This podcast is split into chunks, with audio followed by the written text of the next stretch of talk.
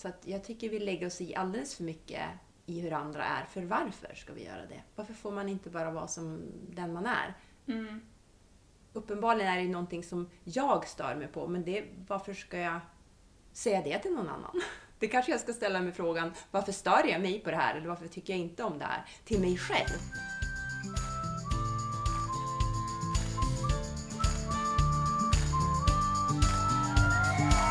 Låt dig smittas av glädje i podcasten som förgyller din dag. Välkommen till Glädjepodden med Sandra och gäster. Nu går vi från snällhet och att älska, som var förra veckans tema, till attack, onödig kritik, PMS och det som Annika har minst till övers för, nämligen de utdöende gubbstruttarna. Det kanske inte låter som de ämnena man i första hand kopplar ihop med glädje, men eh, det är ändå ett ganska så glatt och kul avsnitt, tycker, tycker i alla fall jag, eftersom att jag hade kul när vi spelade in det. Veckans gäst är återigen Annika och har du inte träffat henne tidigare i den här podden så ska du snart få en presentation av henne. Men först så skulle jag vilja passa på att rikta ett stort tack till de företag som var med och bidrog till mina goodwill-event med att sprida påskglädje i år. Och det är Ekonomi Nord, Helhetshälsa och eh, ICA Nordmaling. Det här är de företag som brukar vara återkommande och eh, bidra till att kunna göra någonting extra för exempelvis de som ligger på sjukhuset eller behöver lite extra uppmuntran vid högtider. Vill du ha mer glädje varje onsdag? Prenumerera gärna på podden. Dela avsnittet vidare om du känner någon som du tänker skulle behöva höra ett avsnitt om attack och, och så vidare. Vill du följa Glädjepodden via sociala medier så gör du det under Glädjefabriken. Och Eh, vill du boka en vägledning eller behandling eller någonting av Annika så kan du också göra det via Glädjefabriken. Du hittar mina kontaktuppgifter i poddbeskrivningen. Och eh, är du redo nu så går vi till attack. Ja, men jag kör inget välkommen med dig nu Annika eftersom att du är en del av podden. Ja, vad härligt. vad, vad trevligt. Alltså, eller vad, hur känner du? Alltså, jag vill ju att du ska känna dig välkommen, men det känns ändå som att du är en del av den här podden. Så att det blir som... Det, det känns ju väldigt inkluderande. Ja. ja. Om det är någon som lyssnar som inte har lyssnat på Annika eller träffat Annika i den här podden tidigare, så hur ska vi presentera dig på bästa sätt? Umeås bästa healer brukar jag ju säga ibland. Ja, du... Någon som folk vallfärdar till. Fortsätt, att... fortsätt Sandra. Mata mitt ego. Jag blir så ödmjuk. att du inte har så mycket ego. Så. Bara... Mm. Nej, men det är jättekul att vara här. Jag tycker ju om dagens eh, tema, eller vad kallar vi det för? Ja, men attack. Attack. Glädjepodden och attack. Ja, det är kul. Mm. Glädjepodden kör ju lite sådana här eh, narcissister och drogmissbruk och lite sådana grejer mm. ibland också. En del av livet. Och så ja. attack idag. Mm. Mm. Men du, kom du ihåg att vi körde så här äh, ganska ofta förut? Jag har ju kört i den här podden och så när du och jag hade en podd tillsammans tidigare så körde vi ofta en sån här fråga att man skulle identifiera sig med någonting. Att så här, vad skulle du vara idag om du var en låt? Typ så. Ja, ja, ja, absolut. Ja. Eller ja. en frukt, det var ja, allt möjligt där. Ja, men precis. Jag tycker det är lite roligare fråga än att bara säga så här, hur mår du? Mm. Och då tänkte jag det, det vore kul att köra den igen. Men då kom jag också på att jag har inte gjort det på jättelänge nu när jag har haft någon gäst, att jag har frågat det. Och jag vet inte, då kommer jag att tänka på det att för det kanske ändå var typ ett år sedan, så var det en person som hade lyssnat på min podd och sa att eh, hon tyckte det var så otroligt löjligt att ställa den frågan. Okej. Okay. Och då så eh, sa jag bara att jaha, det tycker inte jag, för jag tycker det är kul. Mm. Och så fortsatte jag med det. Men sen har det ändå fejdat ut.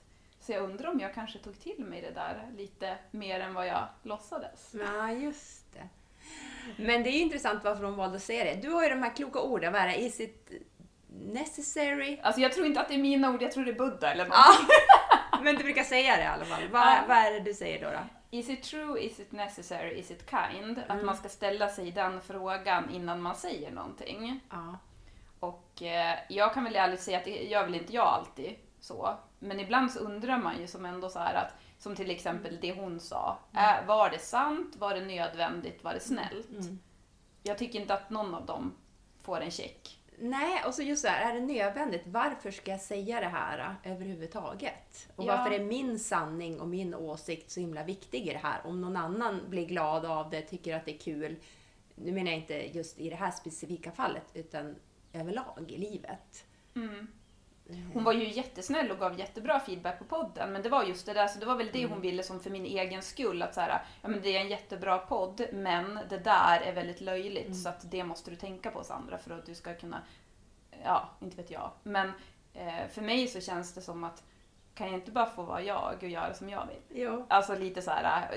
eh, ehm, jag, eh, så det jag undrar, vi ska ställa frågan snart. Jag Okej. ska ställa den till dig snart. Men först så undrar jag bara att ger vi kritik för ofta? Ja, det skulle jag vilja säga. För varför? Ja.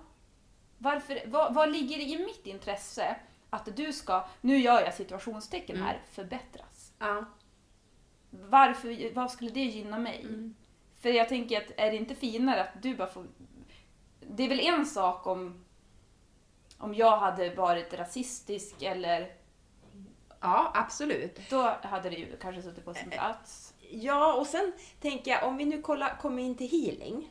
Mm. Där handlar det ju om att låta en människa, man är så trygg i den man själv är, att man kan faktiskt tillåta en annan människa att bara få vara precis som den är. Att man inte på något sätt försöker, eh, vad ska jag säga, försöka rätta till eller förändra. Mm. Utan man har tillit till processen i sig. Till den helande processen. Så att jag tycker vi lägger oss i alldeles för mycket i hur andra är. För varför ska vi göra det? Varför får man inte bara vara som den man är? Mm. Uppenbarligen är det någonting som jag stör mig på, men det, varför ska jag säga det till någon annan? Det kanske jag ska ställa mig frågan, varför stör jag mig på det här? Eller varför tycker jag inte om det här? Till mig själv. Mm. Och fundera över det. Lite mer nyfiket. Än att tänka sig att jag vet svaret och det, eller så här är det. Och, Ja, och jag tänker inte som att lägga det här på, på den här personen som sa det eller på, alltså, eh, några specifika personer utan mer att det bara är ett intressant fenomen att det känns som att vi ska så mycket rätta till och att vi ska ge kritik.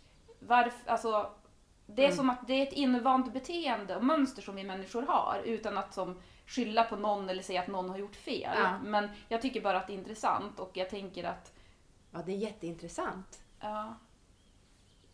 Is it true? Is it necessary? Is it kind? Men man får ställa sig de frågorna först innan man säger så mycket då. Jag tänker också på arbetsplatser. Att det är Mm. nog, för där är det också mycket det här med att man ska ge konstruktiv kritik och det, det, det och sådär. Och det, det kan säkert vara bra i, i vissa fall men jag tänker också att just det här att skapa en trygghet på en arbetsplats, hur viktigt det är. Och det skapar man väl också genom att människor får vara som de är. Ja, exakt. Och det här att, att när man går då, apropå det här med attack. Eh, det är ju lättare om jag säger till mig själv att jag börjar gå till attack när jag kanske har tagit hand om mig själv för lite. Mm. En period då man har sovit dåligt eller har haft för hög press på något sätt. Eh, gå igenom svåra saker i livet. Då har man som vad säger man, ackumulerat en massa frustration kanske och sådär. Mm. Så därför är det viktigt att ta hand om sig själv. För tänker annars är det lätt att, den här, att man blir en attackmänniska Mm. också. På tal om snällhet som vi pratade om i förra avsnittet. Precis. Det här kommer bli jätteintressant. Men Mm. först så vill jag veta, vad skulle du vara idag? Utifrån ditt humör och där du är. Om du var ett djur. Ja, alltså... Ta, det, det, det kanske är en av de fjantigare frågorna man kan ställa Nej, då när men- det kommer till just det här. Men vi kör Nej det. men jag älskar ju djur. Alltså jag tycker om djur jättemycket. Alltså och lyssna på dem och titta på dem. För de går ju omkring en helt annan eh, energi än vad vi människor gör. Mm. Så jag tycker att det är helt... Ja, ja, men för att svara på din fråga. Alltså, vi såg ju precis två svanar flyga här. Så jag önskar att jag kunde säga bara jag känner mig som en svan. Ja. Det hade ju varit, det hade ju varit härligt. Men eh, eh, det gör jag nog inte. Idag så var jag ute i skogen som vanligt. Hörde jag massa få, små fåglar. Jag tror att jag känner mig som en liten fågel faktiskt. Mm. Så, för jag tycker om nu när våren kommer och då börjar bli de så här kvitteri fågelsång överallt, lite hit och dit. Så du är lite kvittrande idag då med andra ord? Ja, faktiskt, för att Ja. solen har kommit. Ja. Mm. Mm. Jag har varit extremt seg nu, men nu börjar jag kvittra till. Mm. Mm. Och vad har du för, för... Vad känner du som för slags djur? Det första jag tänker på, det är en ekorre. Mm. För att jag var ute i skogen, fast bara lite, alltså jag får inte gå i skogen, jag ska komma till det gällande det här med attack, men jag får inte gå i skogen just nu. Vilket är en stor sorg för mig faktiskt. Men då var jag på en liten stig och så mötte jag en ekorre nu i morse. Och vi fick sån fin kontakt. Mm.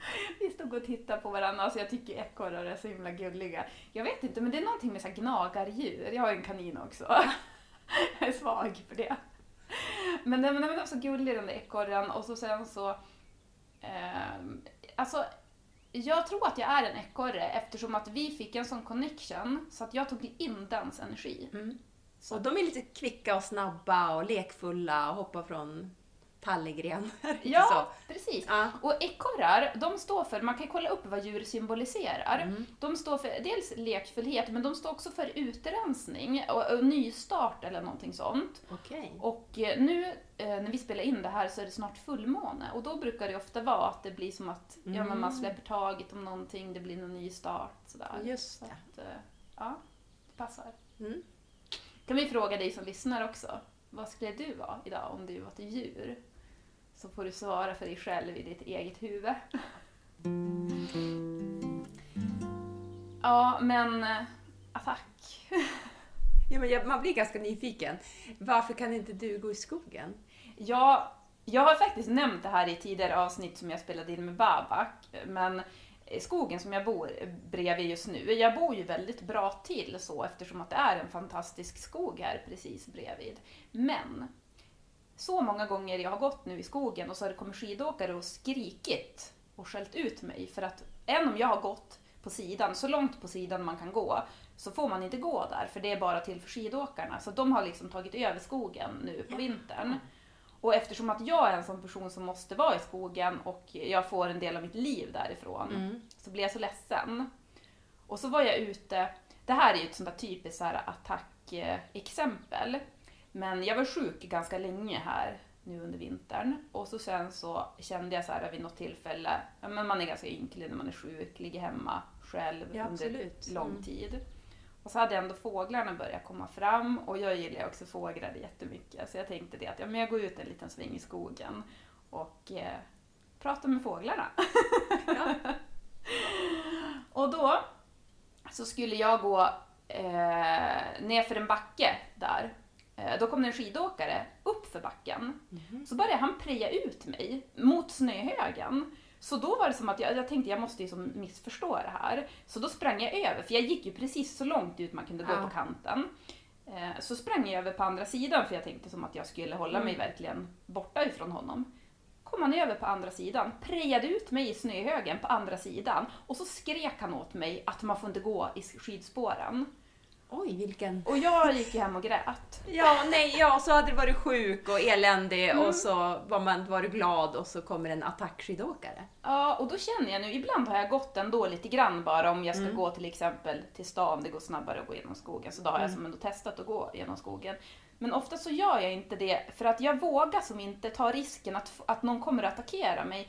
Särskilt inte om man är kanske lite skör eller du vet sådär, för att Ja. det tar för mycket energi känner jag att få den här utskällningen. Ja, och så går du, tänker jag, att då börjar man gå liksom på sin vakt och titta sig över axeln och bli stressad. Det är inte så att du kan gå och njuta eh, av dina fåglar som du ska prata med då.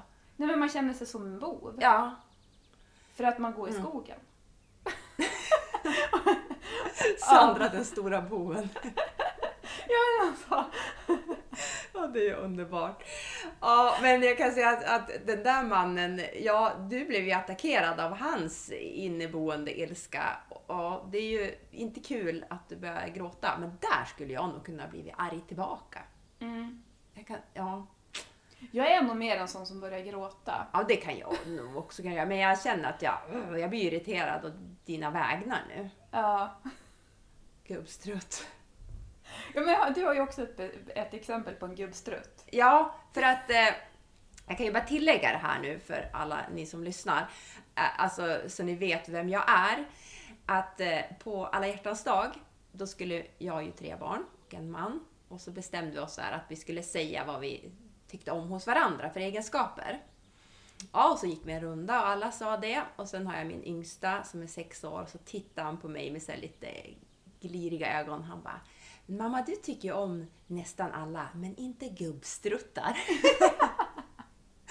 jag bara, det har du rätt i. Eh, Så att ni vet att jag är lite fördomsfull mot eh, gubbstruttar. För det här, den här historien handlar ju också om en gubbstrutt. Ja. Det är så att min dotter som är 12 år, hon gick ju hem på kvällen och så hade hon ingen, vi bor ute i en by, och så hade hon ingen reflexväst på sig. Och jag kan säga att alla vi föräldrar, vi tjatar om de här västarna och vi lånar ut västar hit och dit, men ungar glömmer och ja, det är som det är. Så gick hon hem en kväll och så stannade en bil eh, med en man som skäller ut henne för att hon inte har på sig någon väst. Så hon kom ju hem och är, alltså hon är ju rädd. Mm. För det första för att det är en man som stannar av och skäller ut henne. Mm. Eh, och då pratade jag med henne om gubbstruttar, hur de funkar, att de liksom är en del av livet. Jag hoppas att de är utdöende ras nu, att den yngre generationen tar över och liksom inte har så mycket... Riktiga män. De riktiga männen, inte de Ja. här fjantiga attackmännen. Nej. Eh, men då gjorde jag faktiskt så. Fast jag måste säga att jag själv var lite under attack. Jag hade en, en attackkänsla under så jag, jag ringde och pratade med honom. Mm. Och så sa jag så här att det som hände när du gjorde det här, det var ju ett, min dotter blev livrädd för du är en man, så nu blir hon ännu mer rädd för män när hon går hem på kvällen som stannar i bilar. Hon trodde ju typ att han skulle dra in henne. Det var ju det hon trodde, hon blev ju livrädd. Mm. Sen sa jag att när du börjar skälla ut henne för västen så är det ju inte så att hon tänker, ja just ja, den här mannen som stannade och gjorde mig livrädd, jag måste ta på mig en väst. Mm. Utan jag sa att hon pratar med sina kompisar. Så nu är ju du en riktig gubbe som in, alltså ingen tycker om dig av barnen och ungdomarna nu. Mm. Det är ju liksom du som har förlorat på det här. Mm. Ja, det var så. Mm. Men jag lyckades liksom, jag tror faktiskt att jag hade en liten underton av ilska, men jag lyckades hålla mig eh, ganska neutral. Så det här med attack, det, det funkar ju liksom inte. Det är ju det. Nej, och det är också som... Ibland så behöver ju vissa personer sättas på plats. Att man kan ju inte bara gå omkring och åh, jag ska vara så snäll hela tiden, utan vissa behöver ju faktiskt också få höra, som den där gubbstrutten. Eh, ja, jag tror det i alla fall. Att man kan ju inte låta sig själv eh, bara bli överkörd hela tiden. Nej. Och att han också förstår att ja, men det här förlorar ju även du på. Mm. Vad var vinsten Mm. på det? Det är väl mer det. Ja, precis. Men för jag tänker också på det när vi var inne på det här med, i förra veckan, då pratade vi om det här med försvarslöshet och att gå in och bara älska och sådär och att man inte ska vara, alltså man ska vara så lite rädd som möjligt och så.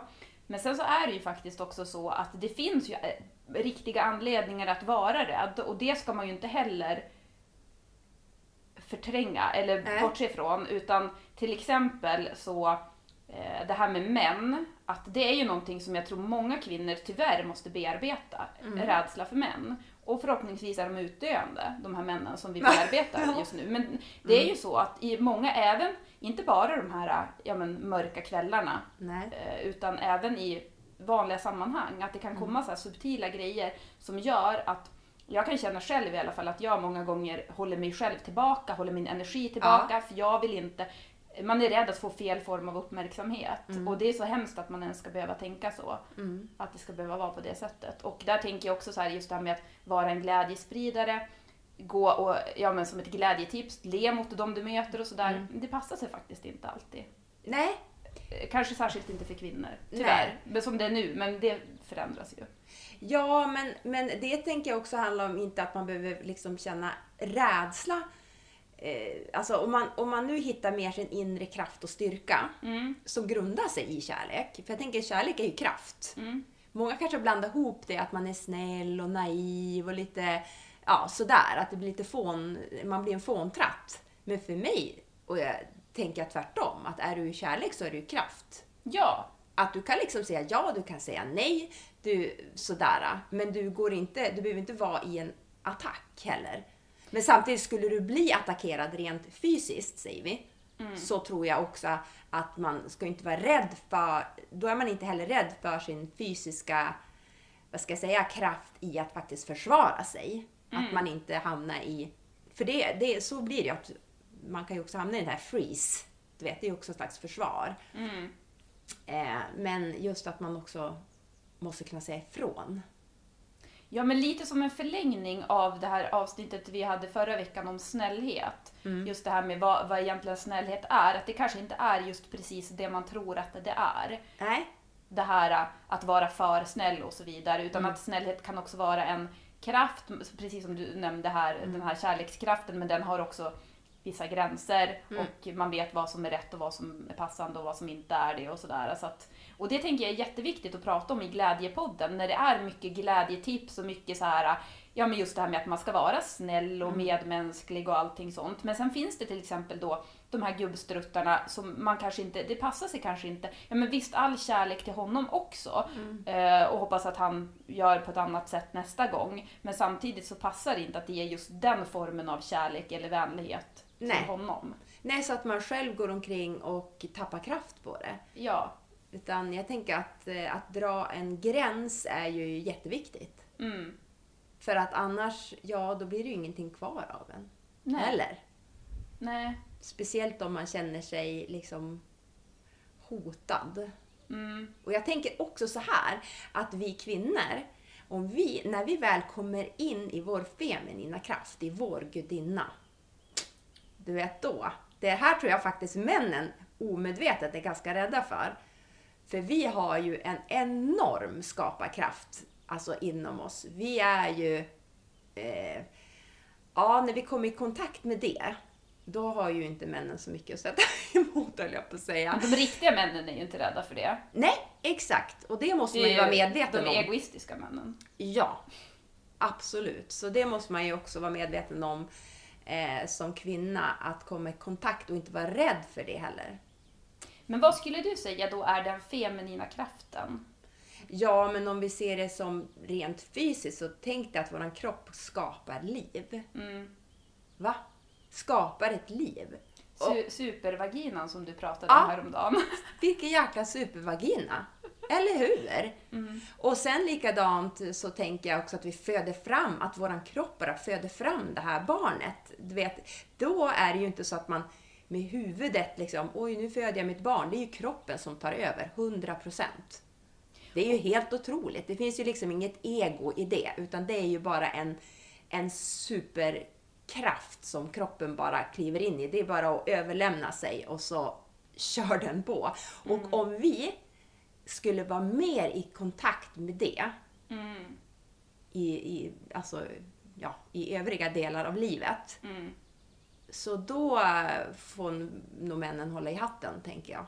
Men vet du hur jag ser det som? För att det du pratar om nu att så här, vi kvinnor skapar liv. Mm. Det gör vi ju genom att vi föder barn. Men inte bara just en bebis i form Nej. av en människa. Utan vi skapar också liv genom de visioner vi har. Att när vi är i våran feminina kraft, då är ju vi den kreativa, skapande kraften. Mm. Medan mannen är mer den eh, fysiska eh, manifesteraren. Ja. Så att därför behöver vi varandra och därför är det så viktigt att vi är också, vi tillåter oss att vara i primärt den energin som Ja. är våran energi. Och nu, eh, för alla som lyssnar också, kan vi ju också bara tillägga att ja, är man kvinna och vill vara mer i sin maskulina eller är mer, alltså den absolut. energin, så varsågod. Mm. Men generellt så är ju kvinnor mera eh, gjorda för att vara i den feminina energin och män i den maskulina Ja. energin. Men allt det där har blivit så ihopblandat eftersom att vi ska bli jämställda i ett samhälle som har varit väldigt maskulint och undertryckt, alltså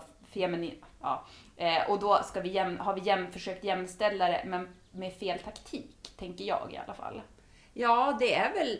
Jag tror att vi har nämnt det förut också, men att vi kvinnor, eftersom vi har varit så undertryckta så länge, och eh, så är det ju också om vi tänker rent eh, med yin och yang, så är det den feminina, det är ju det mörka, det dolda, alltså den energin är ju, det är ju som mer den eh, osynliga delen av oss. Mm.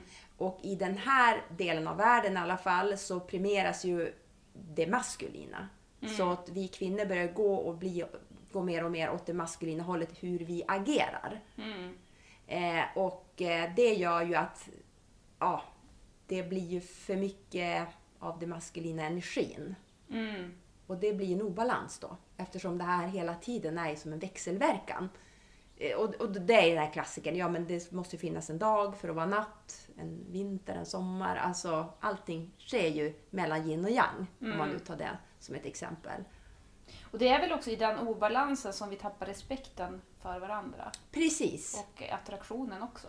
Ja, det skulle jag nog vilja säga. Och att nu är ju metoo, det är helt fantastiskt tänker jag. Det är en fri, alltså det blir ju som en energi och en kraft som har frigjort människan mycket. Och speciellt att det här omedvetna har kommit upp till ytan och blivit medvet, alltså mer medvetet både hos män och, och, och kvinnor. Eh, men det är ju också att män blir lite vilsna i sin mask, alltså, ja, i sin manlighet. Vad är det då? Men eh, det gör ju ingenting att man är lite vilsen ibland, tänker jag. Utan där finns det ju bara en möjlighet till utveckling. Ja, precis. Så eh, ja, det, heja, heja kvinnor säger jag. Ja, men heja männen också. För jag tänker det är nog inte så lätt att vara man heller i den Ja men hur ska man vara egentligen om man är en snäll man och man vill verkligen. Och det räcker ju. För män lägger så mycket, jag tror att de lägger väldigt mycket press på sig själva och på så här, åh jag ska vara som man och så sen så ska jag vara snäll men jag får inte vara för snäll. Och det, alltså var bara snäll. Jag tänker i alla fall inte att det här med attack, det var ju det vi började med, det är liksom inte... När man själv är, känner att man är i attack, eller att man är runt människor som är i attack, det, det är ju inte vägen i alla fall. Nej precis. Men sen så ska vi ju inte vara rädda. Jag tänker det att vi har ju den här kraften i oss också. Mm. Eh, eh, och det är ju en kraft som får oss att gå vidare ibland. Mm. Eller Ja, hur? precis. För att om vi tänker att man har varit deprimerad eller sjuk eller svag eller ledsen sådär, då är man, det behöver man ju vara i. Sen kan ju den här att man får ett litet jävlar anamma i sig, Mm. Det brukar ju ofta vara kraften att ta sig vidare. Mm. Så det är ju inte i alla lägen fel heller. Nej, och det är också den kraften som skapar förändring. Att man skapar en förändring av en orättvisa.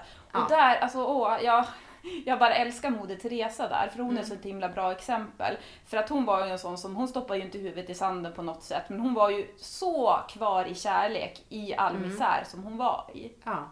Att hon bara sa att okej, förändra det här, Mm. men hon var ändå i kärlek när hon gjorde det. Ja, exakt.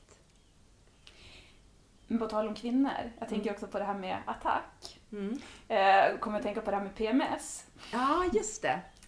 Eh, att eh, jag har hört det här, att en av anledningarna att vi har, eh, eller att man kan bli så här eh, arg när man har PMS, eh, det är på grund av att när vi har, alltså om vi följer den naturliga cykeln så ska vi kvinnor, när vi har mens, så ska vi vila och ta det lugnt. Vi ska inte hålla på som vi gör i vanliga fall. Men i samhället som vi lever i så är inte det socialt accepterat eller kanske ens socialt möjligt att göra det. Nej.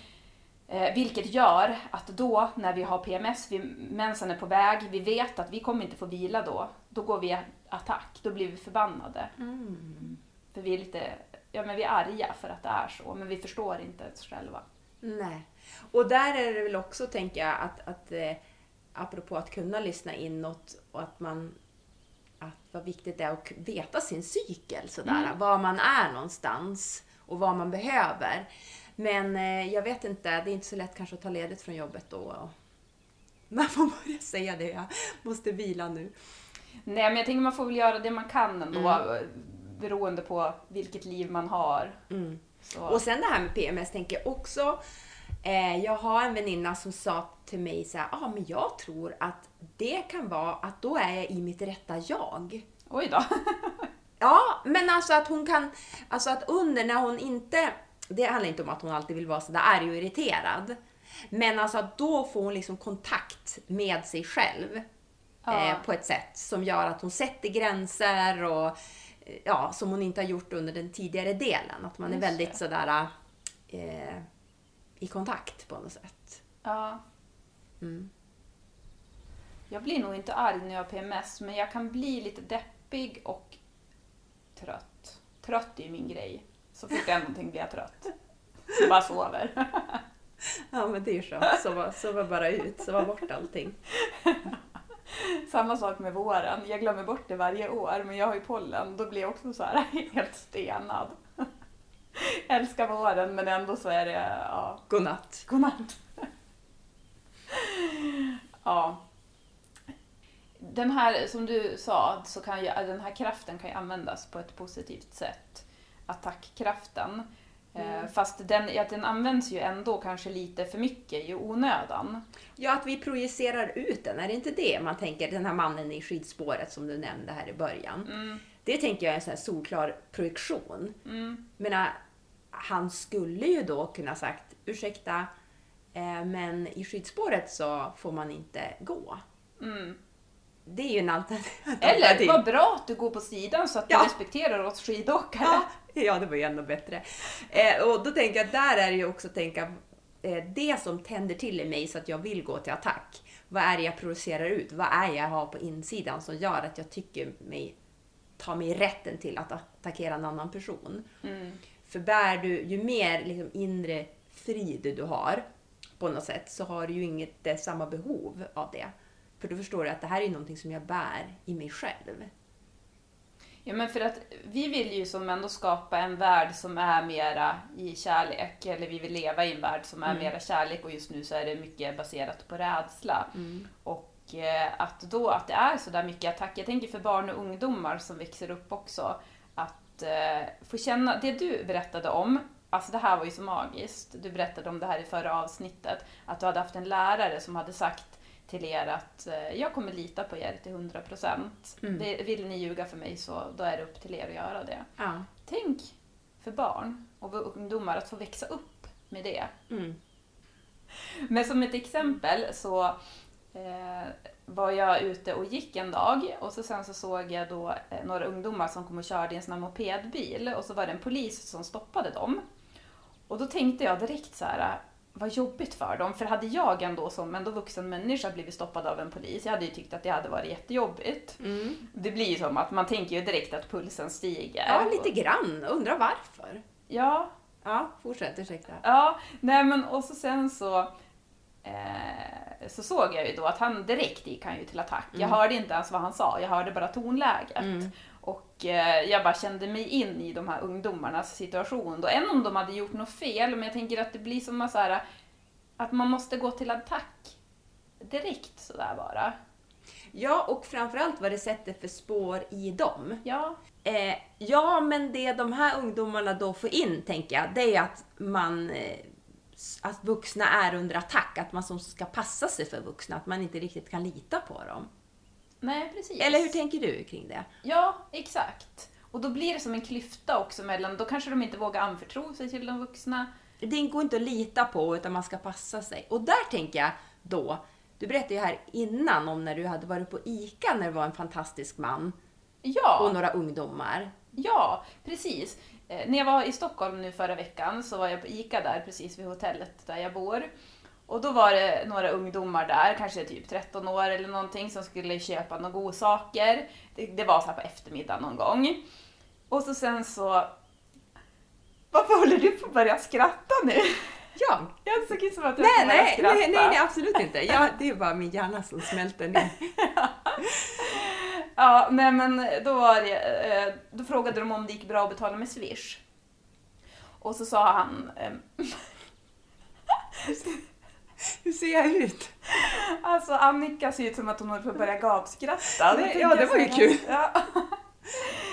Eh, nej men och då så sa han att det gick inte och då, skulle, då blev de så lite besviken och skulle gå iväg och lämna tillbaka de där grejerna. Men då ropade han så här, nej men vänta kom tillbaka och så sa han det, ni kan swisha mig och så betalar jag istället. Åh.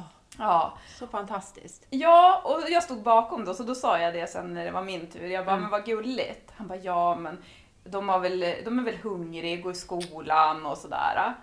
Och det är ju såna där vuxna, Ja. tänker jag, som barn ska... För att just det här också att vi ska växa, alltså att vi ska leva i ett samhälle där vi är trygga med varandra, till Mm. största del i alla fall. Inte att vi ska leva i ett samhälle där vi är rädda för varandra. Nej. För så mycket lättare det är att upp, alltså, öppna upp för kärlek och vänskap och allt det där också när man inte behöver ha så mycket skydd. För det är ju skydd man lägger på sig. Det är samma sak nu, jag törs ju inte gå ut i skogen för jag är ju rädd. Ja. Och då är det som så här, och när jag väl går ut i skogen, ja men då har jag ju skydd på mig. Ja. Då njuter inte jag, jag tar inte in fåglarna då. Nej. Och sen, sen är det också så himla fint, för jag har faktiskt också varit med om en sån där incident. Jag var, barnen var sjuka, jag var stressad, åkte, vi har ganska lång bit till våran affär. Så hade jag glömt plånboken. Och då sa faktiskt hon i, eh, i kassan, swisha mig så betalar jag. Och då kan jag säga, när jag åkte hem så började jag nästan att gråta för att jag tänkte bara, gud det finns såna här människor. Så att, och då, då blir ju jag också fylld med den där känslan att det där vill man ju liksom skicka vidare. Den känslan till andra människor. Du vet, en är helt okänd. Så jag tänker att det är otroligt viktigt de här eh, handlingarna som vi gör eh, mot varandra. Ja, och det var ett jättebra exempel för inte bara gentemot barn och ungdomar utan även att vi vuxna, för att jag tror att jag jobbar själv mycket med så att omprogrammera mig, att så här, inte leva kvar i rädsla utan att gå in i den här mera den här försvarslösheten och våga vara mer tro på kärlek och så vidare. Och när man får sådana här bevis då, då blir det ju som att då läggs ju de till att då Precis. ser jag att ja men titta, det finns kärleksfulla människor, Ja. människor, kärleksfulla handlingar. Det är inte bara de där gubbstruttarna och den typen Attacker. attackerna Nej. utan att så, där fick jag bevis för det. Och då tänker jag så här att det kan vi hjälpa varandra och bevisa för varandra att det finns någon form av eh, för när, det, när vi lever mycket ur ego och rädsla, då blir det också så här att vi, vi kan inte riktigt lita på varandra. Nej. För någonstans känner man ändå av det här. Mm. Och så är det som att det är många som vill för sin egen vinnings skull saker och de tycker om en bara när man själv tycker om dem. Eller det, de, alltså det är som att det blir så... Man blir inte trygg. Nej, det är ju det. Och att hitta, att där tänker jag också, att se sin egen rädsla och hur mycket energi man faktiskt kanske lägger på den. Eller sin egen smärta. Och att man gör ett val. Att jag vill faktiskt inte längre leva ur min smärta, mitt förflutna. För det är oftast det vi upprepar. Så här, man tänker på sin, hur sin barndom var eller man har haft någon partner eller något jobb. Och så är man fast i den känslan att man inte är trygg. Men om man börjar förstå att ja, men jag kan ju inte leva kvar i en rädsla och en känsla som var kanske för tio år sedan, eller ibland ännu längre sedan. Den kan jag faktiskt också släppa och börja jag se hur mycket jag lever från mitt förflutna. Så då tänker man att det här är ju bara ett drama, en, en roman som spelar sig upp i mitt huvud hela tiden. Den tillhör ju faktiskt inte nuet överhuvudtaget. Så då kan jag börja separera mig från det. Och där tänker jag också att jag blir tryggare i mig själv och inte heller eh, behöver attackera andra överhuvudtaget. För då skapar man ju den romanen man vill. Precis. Men Och det, är den, det är ju det där omställningen som inte är heller bara... Det är där man får vara lite ödmjuk med sig själv, att det är inte bara som att man kanske knäpper med fingrarna. Eller så kanske skulle det kunna vara så lätt, jag vet inte. Men jag tänker att man får... eh, För det kommer ju också de här... Ja men, ja, men att man blir triggad av... Det kommer någon... Absolut. Ja, kan, Men det här valet man gör då, det måste man ju som skriva ett avtal med sig själv lite grann. Att man börjar umgås med människor som man tycker så här, de här blir jag glad av, här är jag trygg. Det finns ju sådana. Eh, På det här kaféet har de härlig mat, eller den här maten mår jag bra av. Eh, Jag kanske ska träna mer, alternativt träna mindre. Alltså, så man börjar liksom skriva sin härliga nya eh, roman, om vi nu säger så som bygger på att, att eh, det blir mer kärlek, trygghet och glädje. ja exakt. Så man inte sitter fast i gamla hjulspår omedvetet. Ja, exakt. Ja. Och tycker synd om sig själv och så blir man ett offer. Och det är ju, det, man är ju ett offer ända tills man är medveten. Ja, och då får man också tänka att hela tiden så utvecklas vi som människor, om man nu vill det. Så man hamnar i offret ibland. Eh, och det är ju helt okej, men man vill ju inte sitta fast i det. Nej. För det känns ju ganska obekvämt och kladdigt till slut. Det blir så tråkig roman då. Ja, exakt! Det blir inget roligt. Nej. Nej. Så där tänker jag att för att man kunna, ens ska kunna förändra sig eh, så måste man ju först bli medveten. Mm. Och då kan det ju vara bra, ibland har man någon annan som liksom tänder den lampan så att man ser saker hos sig själv tydligare. För det man inte vet, det vet man ju inte och då kan man inte förändra det. Det är ju en ganska enkel ekvation egentligen. Ja. Mm. Och Jag tänker att det är jättefint för där får vi hjälpa varandra då att ge bevis på en kärleksfullare värld. Ja, och ju tryggare och mer kärleksfull du är så låter man människor mer få vara de de är utan att ta, åt sig saker och ting och så. Och det blir bara som mer win-win. Det är därför man lever liksom. Att Mm. Jag vill må bra och jag vill att du ska må bra. Mm. Jag vill att djuren ska må bra, jag vill att jorden ska må bra. Förstår du? Man Ja. tänker helhet. Istället för att det ska vara liksom enheter så tänker man helhet. Precis, det är ju det Mm. nya. Ja. Att vara inkluderande. Att jag kan inte, jag kan inte må bra om du mår dåligt. Mm. Nej. Och då tänker man här på, på hur det blev med coronan. Mm. Att vi sitter faktiskt ihop. Mm. Vi måste förstå det. Mm. Att vi är så beroende av varandra. Mm. Jag fick ju en sån otroligt vacker vision här för ett tag sedan som jag har redan berättat om i den här podden tidigare men jag gör det igen för att den här Mm. är så här, den här kommer jag ta med mig för livet. Och eh, det var då att jag såg framför mig en grå värld som var helt så här gråvissen. Och i den här världen så såg jag en liten rosa blomma. Och så började jag fokusera på den här rosa blomman. Och i och med att jag gjorde det, och, och, och det som också var så starkt i visionen, det var just det här att 100% tro på den rosa blomman. Just det. Alltså gå in med all tro Mm. på den. Och det var ju kärleken som var Mm. den rosa blomman då. Och sen så började det knoppa Ja. och blomstra och hela den här världen blev färgglad. Och det är det jag tänker så här att Ha fokus på rätt sak. ja, och inte låta det andra ta över. Även om det känns, till en början känns mycket större och starkare. ja, Så håller man ändå fokuset på, det är ju fantastiskt. Det är en jättefin vision Sandra. För jag tror att det är så. Jag tror att det andra är nog kanske lite större just nu, Mm. ofta. Och den världen som man själv... Alla har ju sin egen värld Mm. med sin egen rosa blomma. Eller sin egen, den kanske, vissa kanske har en helt färgglad värld också. Mm. Det, alla har ju sin egen värld. Men man kanske har man mycket grått, mycket som har varit grått där runt omkring. Och det är då det gäller då att fokusera just på den rosa blomman. Mm. Till exempel på den här mannen i ICA-kassan Mm. eller Ja. alltså du vet det, lägga det på liksom så här, se där och så. Drrr. Och sen kanske det är en utmaning till en början att göra Mm. det. Därför att man är så van att vara i det gråa. Mm. Får man påminna sig själv hela tiden. Ja. Men vänta, var är jag nu någonstans? Ja. Nu är jag ute i gråzonen här. Exakt, tillbaka till den rosa blomman nu. Och det tror jag att det blir, man får hjärntvätta sig själv lite grann kanske till en början. Mm. För de här gamla tankebanorna kanske är så starka. Mm. Och då är det också fint om man har någon vän eller som också kan påminna en om det. Mm. Jo, precis. Så att man liksom får hjälp med att ha fokus på rätt sak. Ja. Ja, Mm. Ska vi ge någon glädjeboost då? Som lyssnarna får köra under en veckas tid för att bli lite gladare eller att göra någon annan lite gladare. Ja, har du någon på lager? Tänker, om man tänker på vad det är vi har pratat om nu idag. Ja, det, det, det första jag tänker på nu det är ju självklart den rosa blomman. Ja, det, det, ja, men det var väl en självklarhet. Mm. Mm.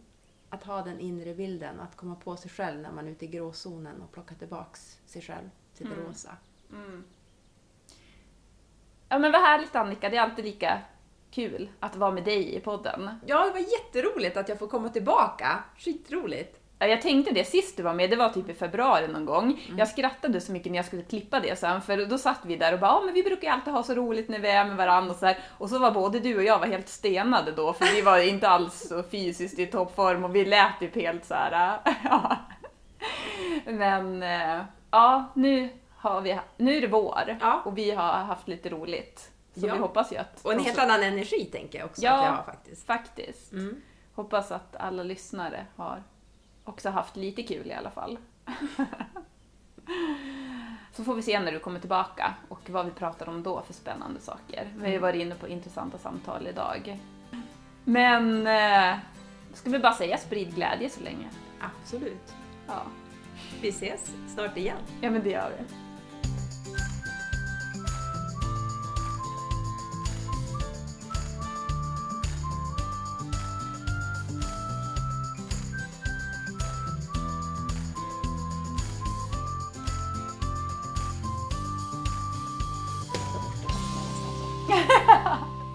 Vart jag svamlar. Går det att klippa bort? Ja. Vi kanske ska döpa det här avsnittet till Fuck me. Sorry, sorry. Fuck me. Det var inte ens det det stod.